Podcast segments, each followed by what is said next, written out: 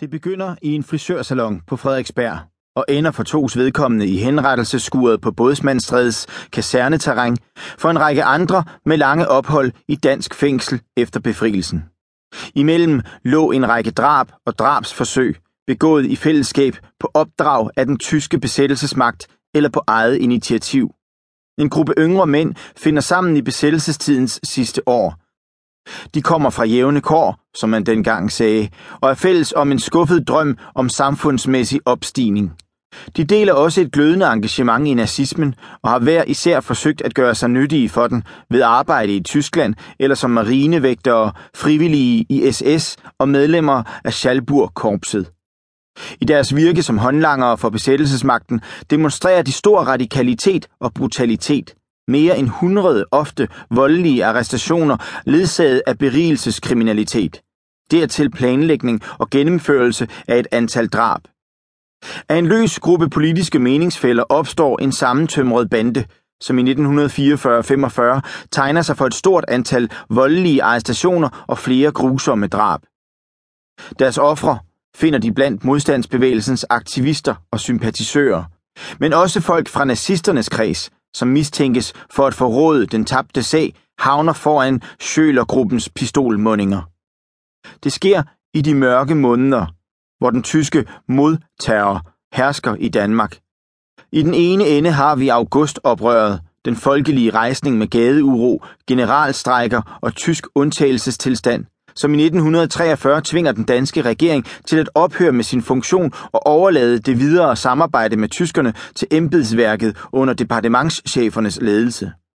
I den anden ende ligger Danmarks befrielse, ikke ved egne kræfter, i det tyskernes kapitulation i Holland og Nordvesttyskland blot udstrækkes til Danmark, uden at det kommer til kamp på dansk grund. Skud løsnes der dog alligevel en del af, og flere og flere, jo længere besættelsen varer.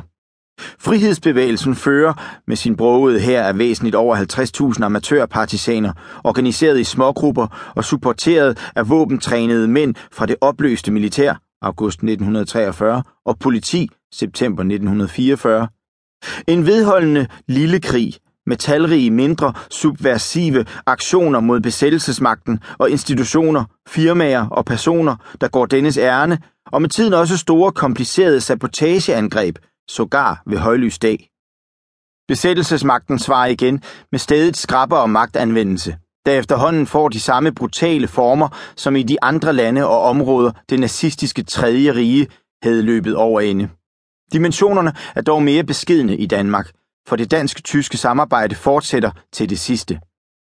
Werner Best, den øverste tyske leder fra slutningen af 1942, lægger vægt på fortsat samarbejde med det besatte lands myndigheder – for at dets forvaltning skal koste tyskerne mindst muligt, og leverancerne fra dansk landbrug og industri fortsætter med at flyde.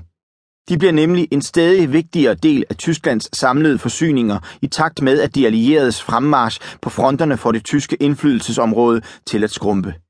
Ikke mindre vigtigt er det for bedst som intellektuel ideologisk nazist at bevise, at Tyskland opnår det bedste resultat ved i vidt omfang at lade de undertvungne folk forvalte sig selv i overensstemmelse med deres respektive folkelige enart.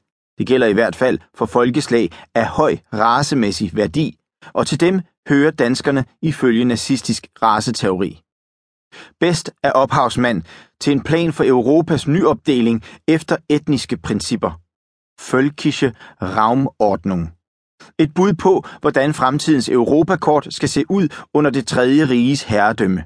Og han er ivrig efter at tage de første afgørende skridt, allerede inden den endelige sejr er i hus. Danmark skal være hans mønstereksempel. Her forstyrrer den danske modstandsbevægelse i midlertid.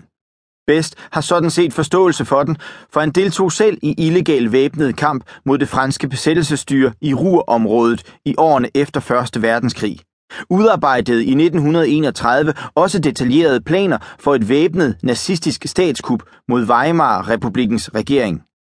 Der ville ikke være meget folkelig enart i danskerne, hvis de uden videre indordnede sig under det tyske fremmedherredømme, så modstanden vidner, som bedst ser det, om en vis dansk stolthed, der beviser danskernes værdifulde germanske racekarakter.